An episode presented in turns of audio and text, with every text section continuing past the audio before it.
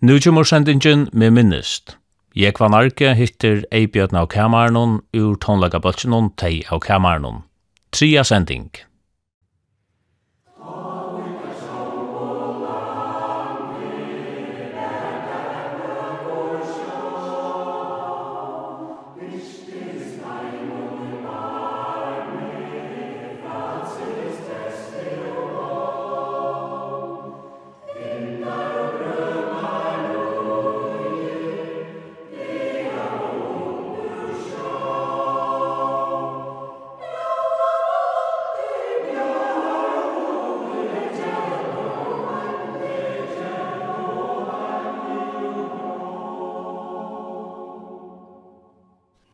gjør betongarbeid, lettes vi.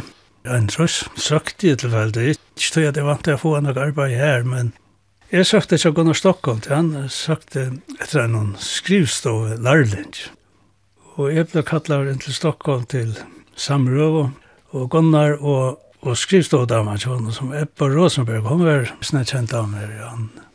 Det så det så, og Krøsvar Hartmyr senter sentrum, hva du var vi med. Jeg var ferdig av gang av handskolen kvaltan. Så til helt ut jeg visste at det var sin av dovimer som gjør betongarbeid i handskolen kvaltanar. Til helt ut jeg handskolen var en chansvis når for den her, og så var jeg ansett her som bokhaldare lærlinger etan oktober. Og bokhaldare til Stockholm, det var så framkommet. Jeg minns at det var en IBM bokhaldsmaskin, og var stor som, som var holdvatsmaskin i kurser. Det var en, en ordentlig framkommen maskina, ta et døren, det må jeg si. Stockholm var en nøybråd i føreskånd handelsløy. Han uh, gjør det sånne forretning oppe til Hein Kjøt, som vi kallar han, Heina Jakobsen. Men da man fyrir KFOM og det. Han heier alle de nyere hattene, og en gåen parst av overhattene. Det var alt konfakke klær i nye hatt. Og han heier så åttvalgte ørvarat, standande fyrir forretning over loften. Her var det herraklær, som det ble nevnt. Stockholm, han var jo som i Matador, han kom inn i bojen nere som var gammaldags og kvart i forretning og vi visste. Men i kurser så hei Gunnar Stockholm til nødja at folk kunne komme og kjøpe klær, og det kunne heva at Ørebjøsar, en håndtak kroner Seila, så at han kjøpte for ganske 400-500-600 kroner. Så fikk det resten på avbetaling, og hentan er avbetalingen, og han er vel kjent fra fyrir avslags det, men Men han var pura nødt i føreskon handelsløyve, det vil jeg alt. Man kunne sagt hans på en klatning som kanskje kostet 800 kroner, vi avtaler 20 kroner, om viken helst, eller kanskje en 100 kroner i måneden. Det var stor latter som jeg kunne ta som hei i Lutlaloven. Stockholm, ja, han var, han var så forrettsmær. Det andre han, og han er så Rosenberg, som jeg nevnte jo Anne, Ebba Rosenberg, Hun var perfektionist, hun er ved, henne kom vi så arbeid under henne tog. Vi Jeg hei henne som lær inne i handskolen nesten. Og Her lærte jeg så å skrive blindskrift. Hun helt vel øyre med meg, da jeg selv skrive i maskinen. Det skulle være dik, dik, dik, dik, tikk, tikk. Det skulle være ordentlig blindskrift, det skulle være rytmod. Jeg minns vel at jeg var og kjøpte mamma min over i da jeg skulle konfirmeres tabla klatningar og frætje og jeg vet ikke hva jeg hadde ikke kjøpt det. Myske klatningar, øyla penner. Kvita kjørst skulle man ha svart slips eller slørf eventuelt. Og en tvitfrakk. Jeg ser for forskrettelig ut, kanskje alle. Alle tog modernismen. Men svart er man ta, ja, så var det. Så er jeg fra Stockholm i en tro jeg år alltid. Og færre fra hånden, jeg fikk uh, tilbå fra Simma, Og da kom jeg etter simma. Man er ikke tannlager i havn eller i fargen, utan man kommer igjen og simma først. Og jeg fikk så arbeid til simma da, nere i forretningen, simma musikk, og han var nok så nødt til forretningen. Og det var veldig frambrudd fra meg her, det må jeg se på som er. Jeg slapp inn instrumentene og alt det her. Simma det var nere så Barbier Paulsen som vi platt å si, takk sa ikke at kjattlæren der. Til her slapp jeg så at fåast vi til som vi virkelig elsker. Folk kom inn, de skulle skifta stranger og så forskjellig. Og det her gjør det gjerne til en, en nok så kompliseret så, så jeg skulle slippe å skifta det. Ja, jeg heller tætje så små er håndverksmessige reparasjoner så.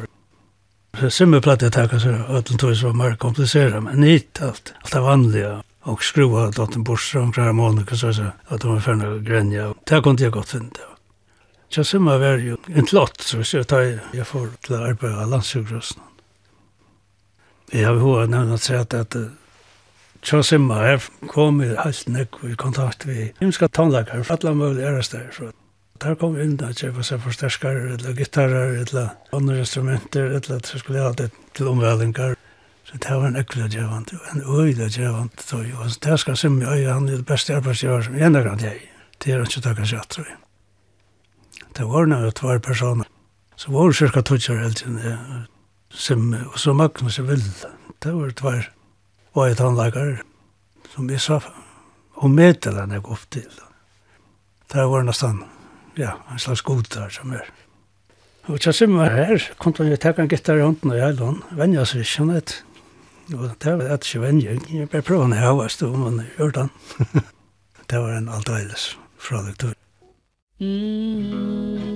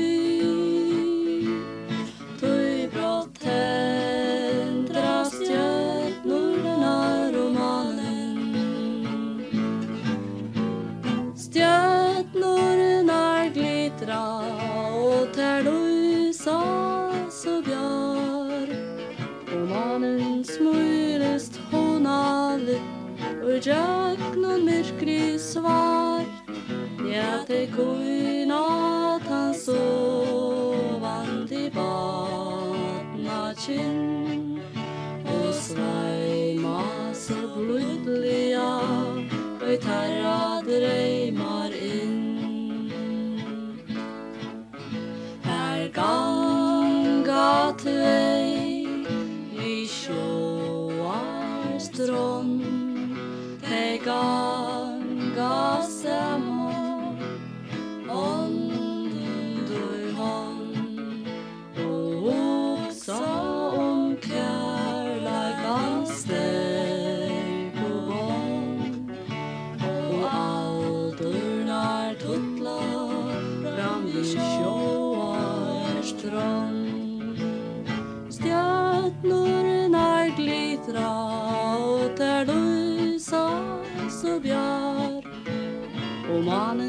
myrist hon av vi Vi gjøknon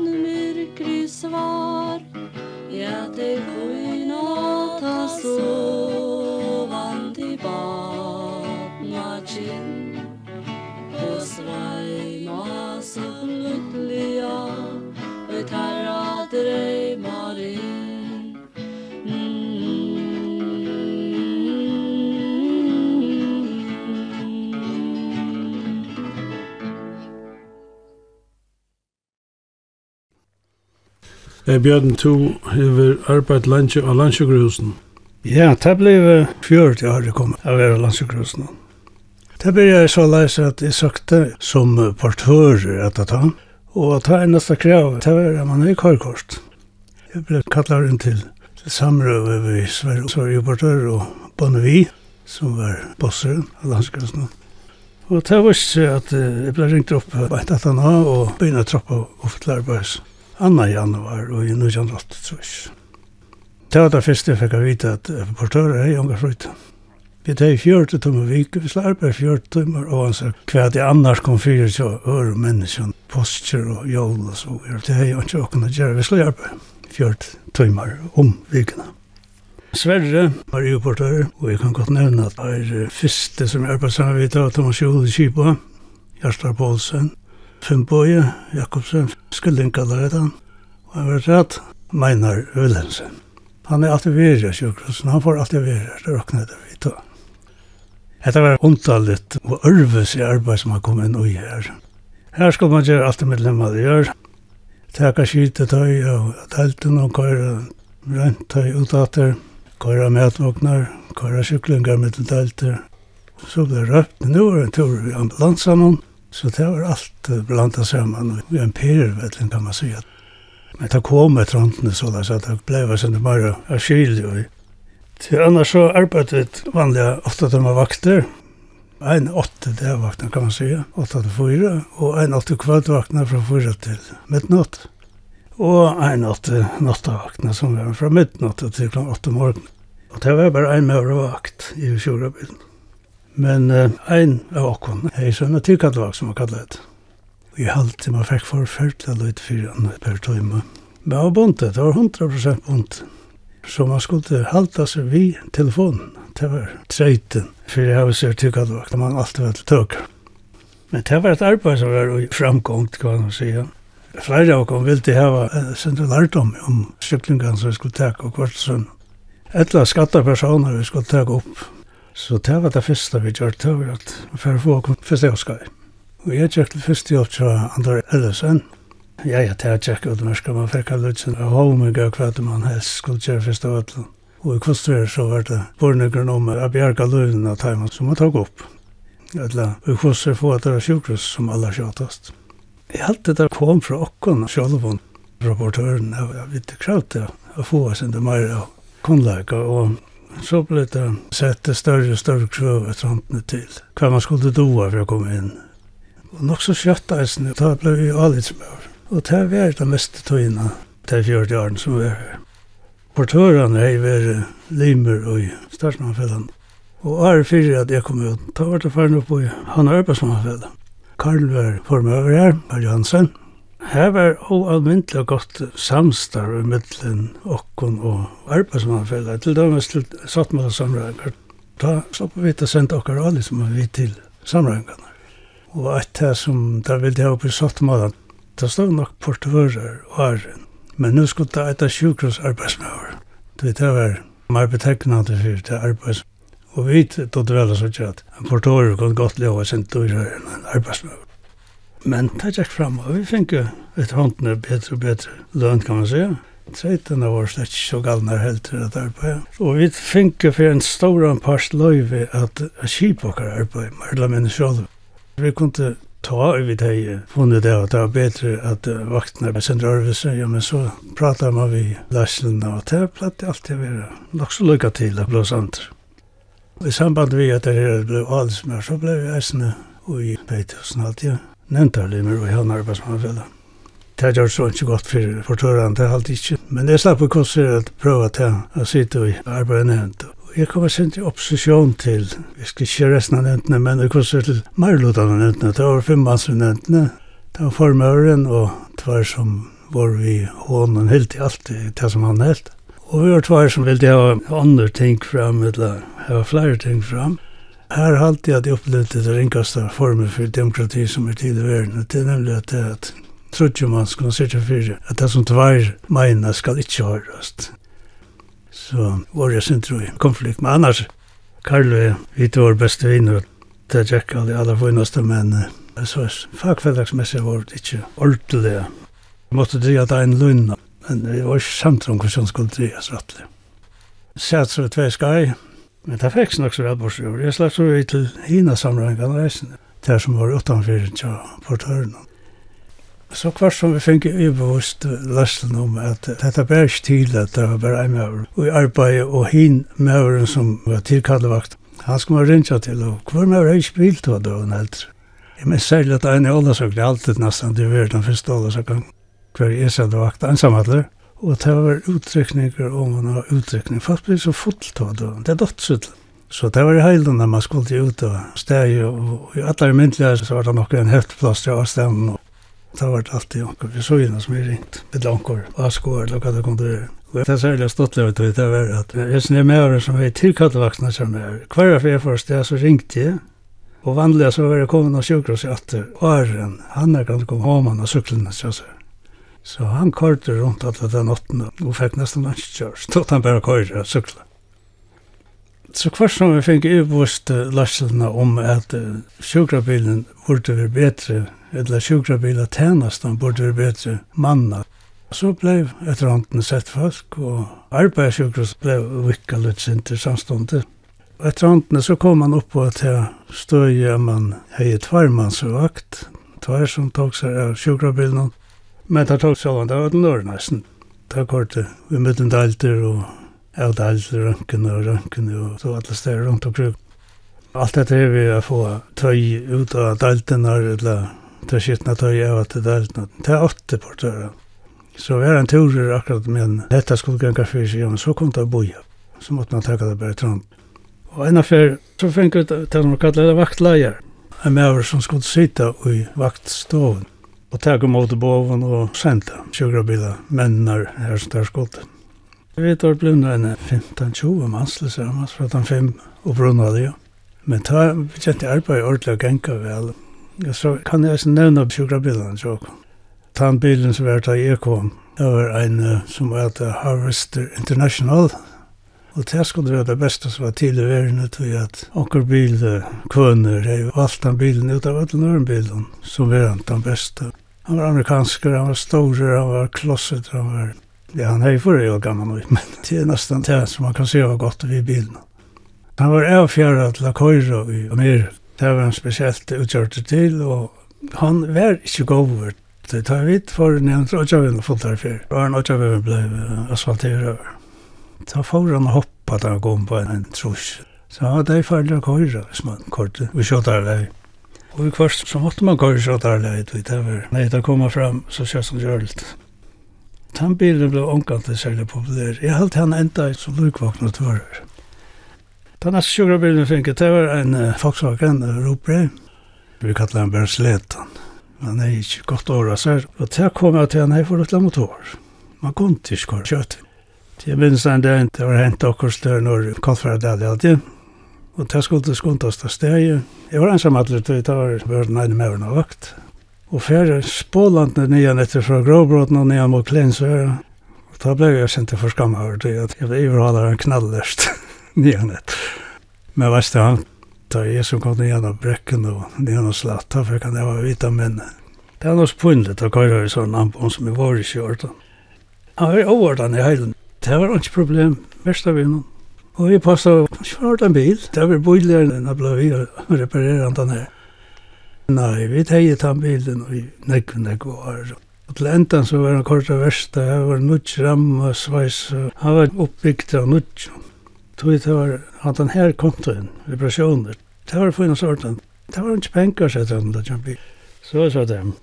Og jeg minns at jeg fikk vite at han reparasjonen kostet 23 000 Det var nok penger til å drøven, og jeg halte ikke bilen kostet meg, morgen, da sa jeg meg nødgjør. Vi fikk så en Volvo, det er luksus i det var. Folk sier det som på av hans sjål, han tar man for å sett seg i bil. Det var stått. Sjål den er galt. Og det kom jo ofte, da vi fikk nødgjør manns, det kom jo ofte når det var i miljøen, som man sier, for bilmekanikere, taxasjåfører og sånt. Men som tog det vel at syrja fyra bilarna kort, det har vi så omkant över, men jag kan sälja gåvor till. Da man kommer av nytt arbeidsplass, så blir man eisen til Erga. Jeg minns først før når jeg ble oppringt av Føyedalen. Og til sier til vi må ha vøkke. Og her er ikke alltid nok av vøkke, så leis. Ja, så må skaffe meg appelsinkassa, sier hun. Jeg får om han sattler og leite en appelsinkassa frem. og skulde ned av badnadøytene vis en appelsinkassa. Da er onker her inn eldre. Fast og kvært, det er alltid til gåar, sier han, det er regna lomp. Det er jo ikke opp vi der, vi platt er sånn at gjerne nekka samme, til dømes det er noe med å komme inn, selv hvis det var en som ikke var venn, jeg kvar bil og sånt. Da blir han ferdig til garasjen og tjekka kølevattnet i Falkavåpen. Det Falkavåpen har jo luftkølter, fullt å gjøre sånn, jeg kom måtte følt. Så stakk han stå ute og leita i, og fann ikke ordentlig til kølevattnet, og så flente man tjukt da han kom inn. Men alt i alt så kan man si at utbyggvingen, hun ble bedre og bedre. Det ble kraft at menn er i første hjelp og taksa kørekort. Det kom så vi er, vi er. Vi forlanger å få opplæring i ambulanse vidtjer. Og da begynte man å sende dere nye i tvar til Reia Kross. Her ble man så setter i skola regulært. Så fikk man i første lei oppfruska første man som hadde døttet fram av vantan og så igjen det som man kallar ambulanse vidtjerna.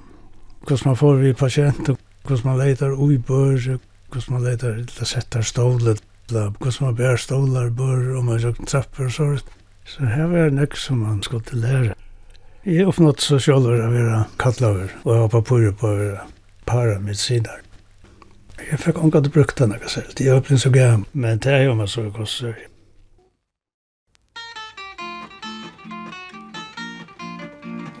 tanke av møyna fest og flammo I have boilat av henne glas og rammo E minnes ta effekte at jeg er som og jar Hon står her vi skaiv hon tannen og pleia hon har Ja kolva knutja hver hon tar Og slett som et varskebrett at luita av Men ta, ta tankt jeg på Nei ta, ta tankt jeg på Tar tankar tar vår og mer fjær. Tui hon var ett og alt som mer Vi tjeng og hånd og i hånd Og vi dran då kom bort til främmande land. Det är nu gingen flyr i år Men jag minnes det som det var och gör Ja, minn hon er teier og klar Det gentona vid skaiv och tenn. Minne om henne går i enn Ja, allt vit vi tvår och samman Bäge och i måkan gå i gamman Aldrig vill Men alt og om henne drøyma. Ja, om henne drøyma. Jeg ser av alla en dagen minnest Minne og hjarta må innom finnest Jeg sier mun blod Og vi svar og kvar jo nør øron troskap tjak noen alt loj Ja bæje og i vikeng og og nei Men ta ta kom det jeg halda. Du hon var ber sex og jeg var tjej Du hon var ber sex og jeg var tjej Du hon var ber sex og jeg var tjej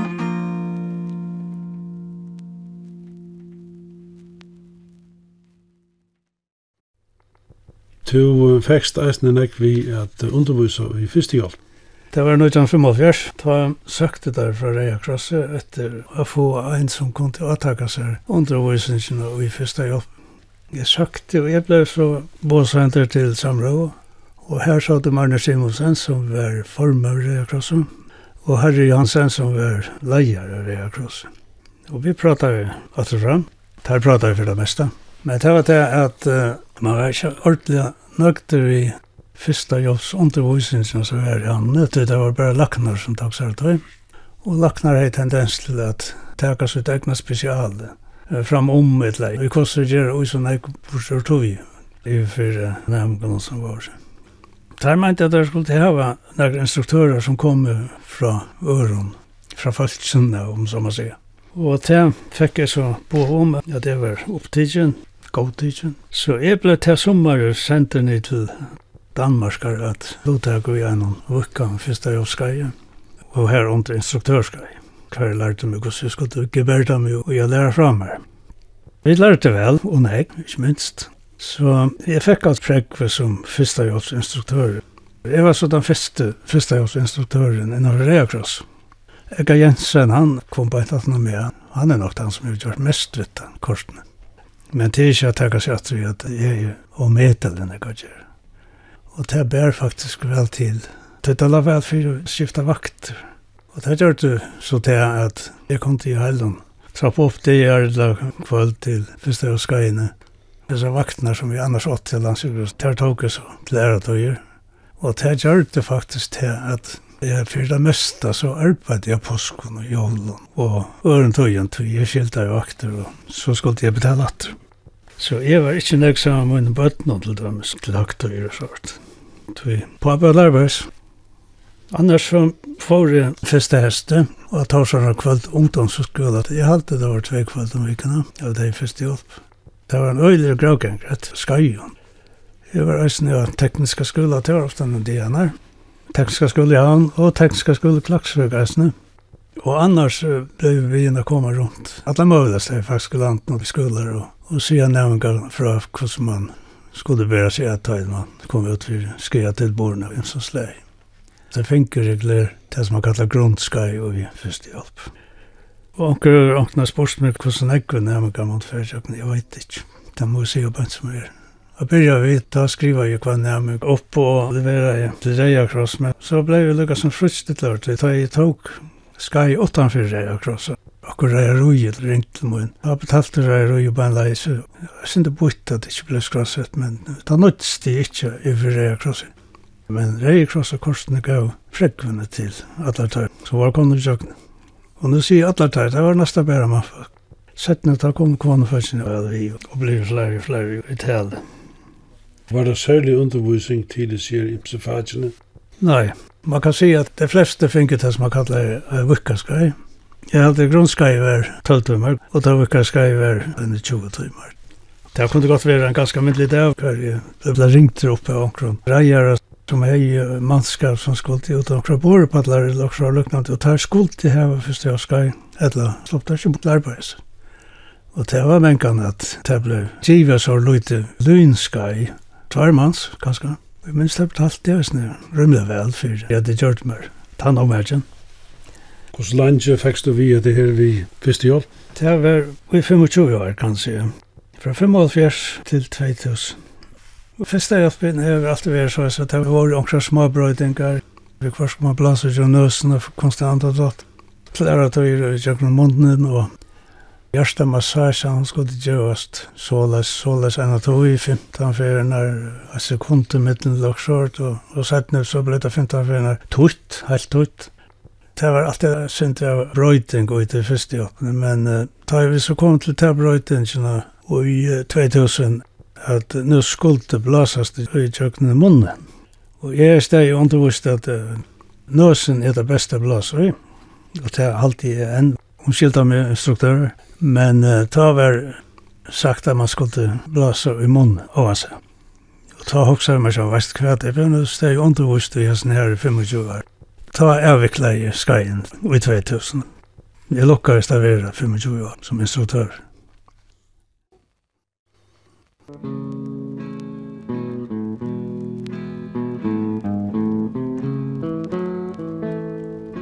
Ta ui manen fjalli Og se Verst om til Mun elska ja. Og vi elsko anunum Til kalli Og du enn Elskar mig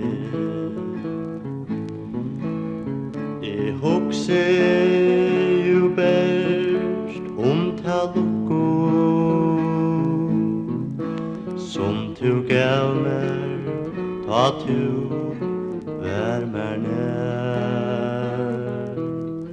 Ta attor mat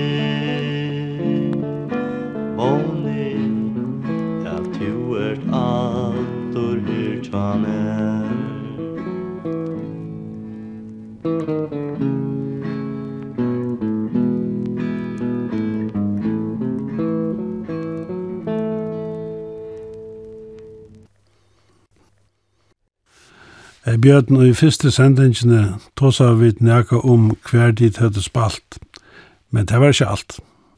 Så jeg spalte vi rettelig fast og i Glittner til dømes. Det var nere i gamle Askansmøyen, nere i Luttlevøk. Her spalte Per Depes som vi har kom.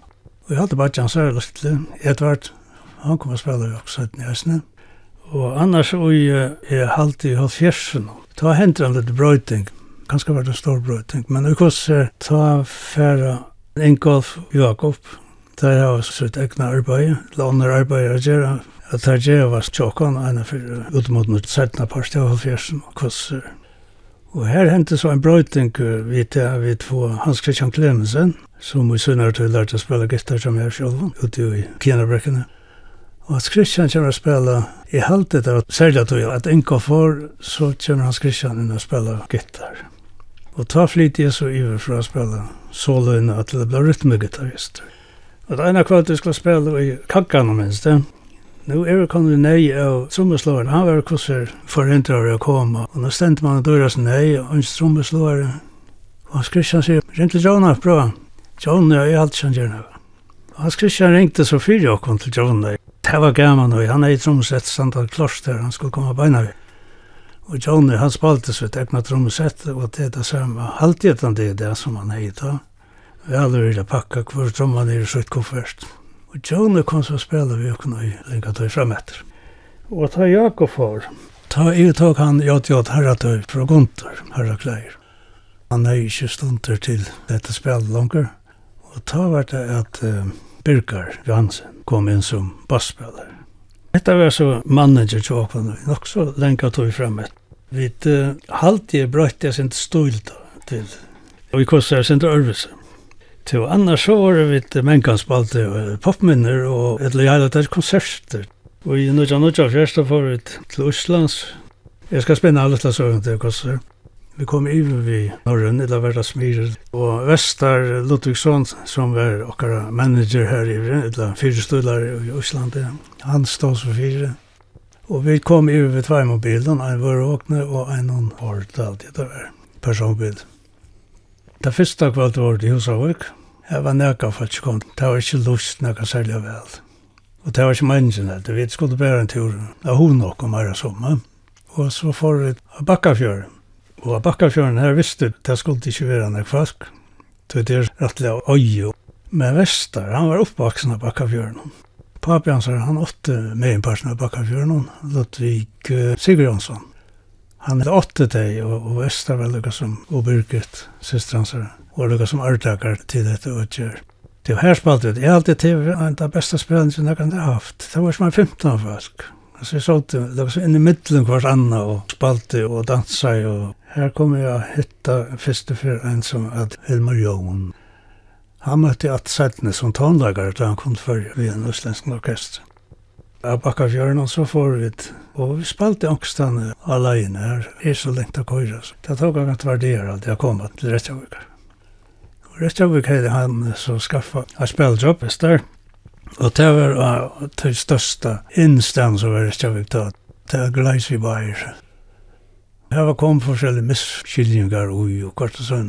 Da hei tannlaka samtidje i Osland, det finnes innførst at andre spilling skulle være utan at Íslandar spalt i helten.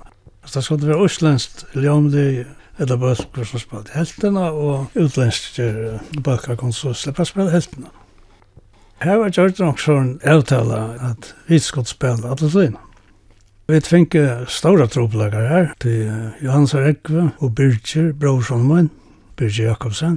Det var for ønsker, det er ikke lov å komme inn og danse høle i Osland.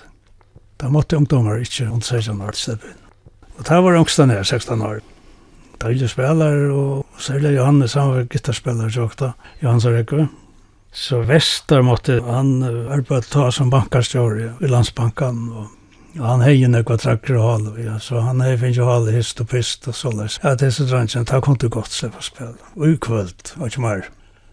Og så knapp det røren gru grunden at vi, at ja, vi sitter og pona okkon her, og ubund seg vestar, og nu er ikke telefon, men to uh, sier spøringa skuld spela, der skulle begynne å spela klokka nudj. Og klokkan er nødt om kvöldi, og der kom panikker, og vi skulle til alle greinar til å stillast opp, og så her var heldur ikke å gleise i bæri anlegg. Og det kostar ikke anlegg som vi tog det å bruke. Så vi måtte se det okkar opp på. Og her kom vi til det halvtid tingsta spelejobbet som nekran nærkant har haft til løn. Vi skulle spela klant fyra morgenen. Og vi tog ikke andre orkester er, så det som annars fyra støyla. Så kom vi til spela ut i 8-6 timer. Det var tungt. Det var morgen morgenen, det minst. Men det er ikke noe funnet korsen. Så, så får det stäga att vi var det i Island och vi först var stäga oss nu bara bilen. Vi var vakna vi, vi anläggade och, och vi finade vi kört i limousinen. Och det brände sig hemma. Det var bilen som Björken och Niklin. Så vi måtte allan samla vägen från Rättshavik och allan vägen till Soverlanden och nyan Seitz blev bilen slajpar av Vörvakna. Det var en flågeslig änte en fyrst, jag hört alltså. Men vi kom hem att jag skulle gå. Og i 88 så var det popminnen opp. Så var det flere konserter hver vi tog i Og en som kan nevnes, det var Atte Trussene som var i 1905. Og her var det Twilight, Theo Cameron, Runar og Thunderbirds. Det var de fyra orkestrene som spalte. Og i hæsar raffelsene. Og så ble det spalt Einar Rodrett.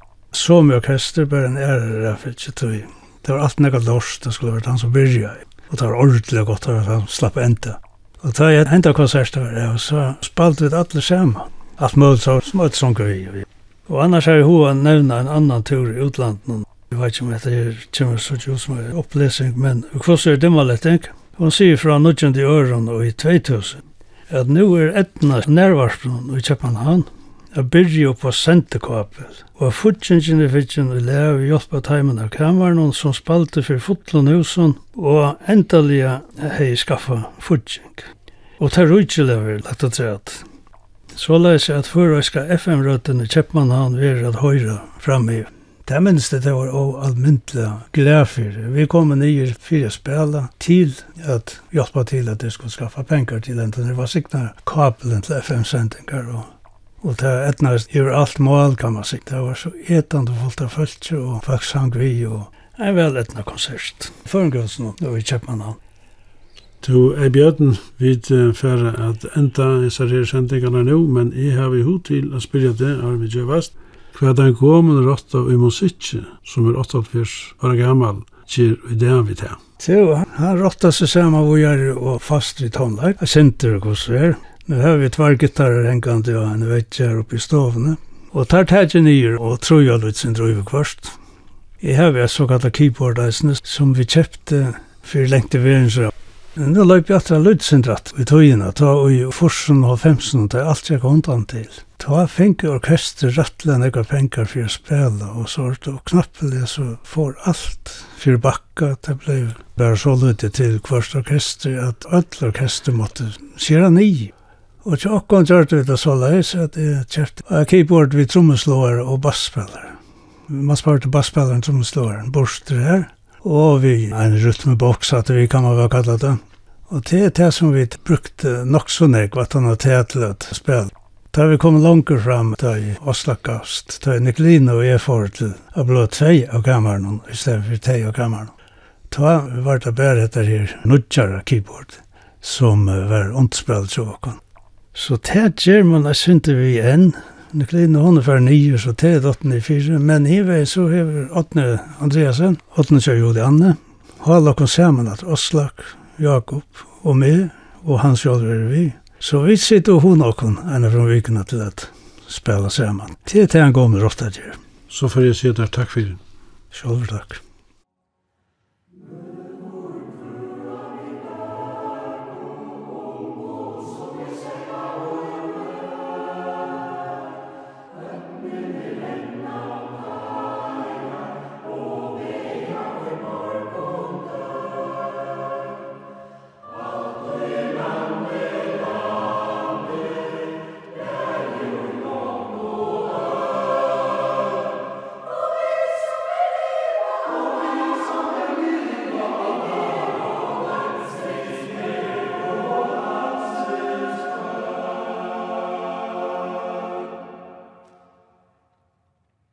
Hatta var sendingen med minnist. Jeg var narke hitte Eibjørn av kameran i havn. Nikolina sang Ta kvölde kjemur, Eibjørn sang Mun fyrsta flamma og Ingolf Ta i manen fyrir i fjallet. Hetta var tria og seinasta sending.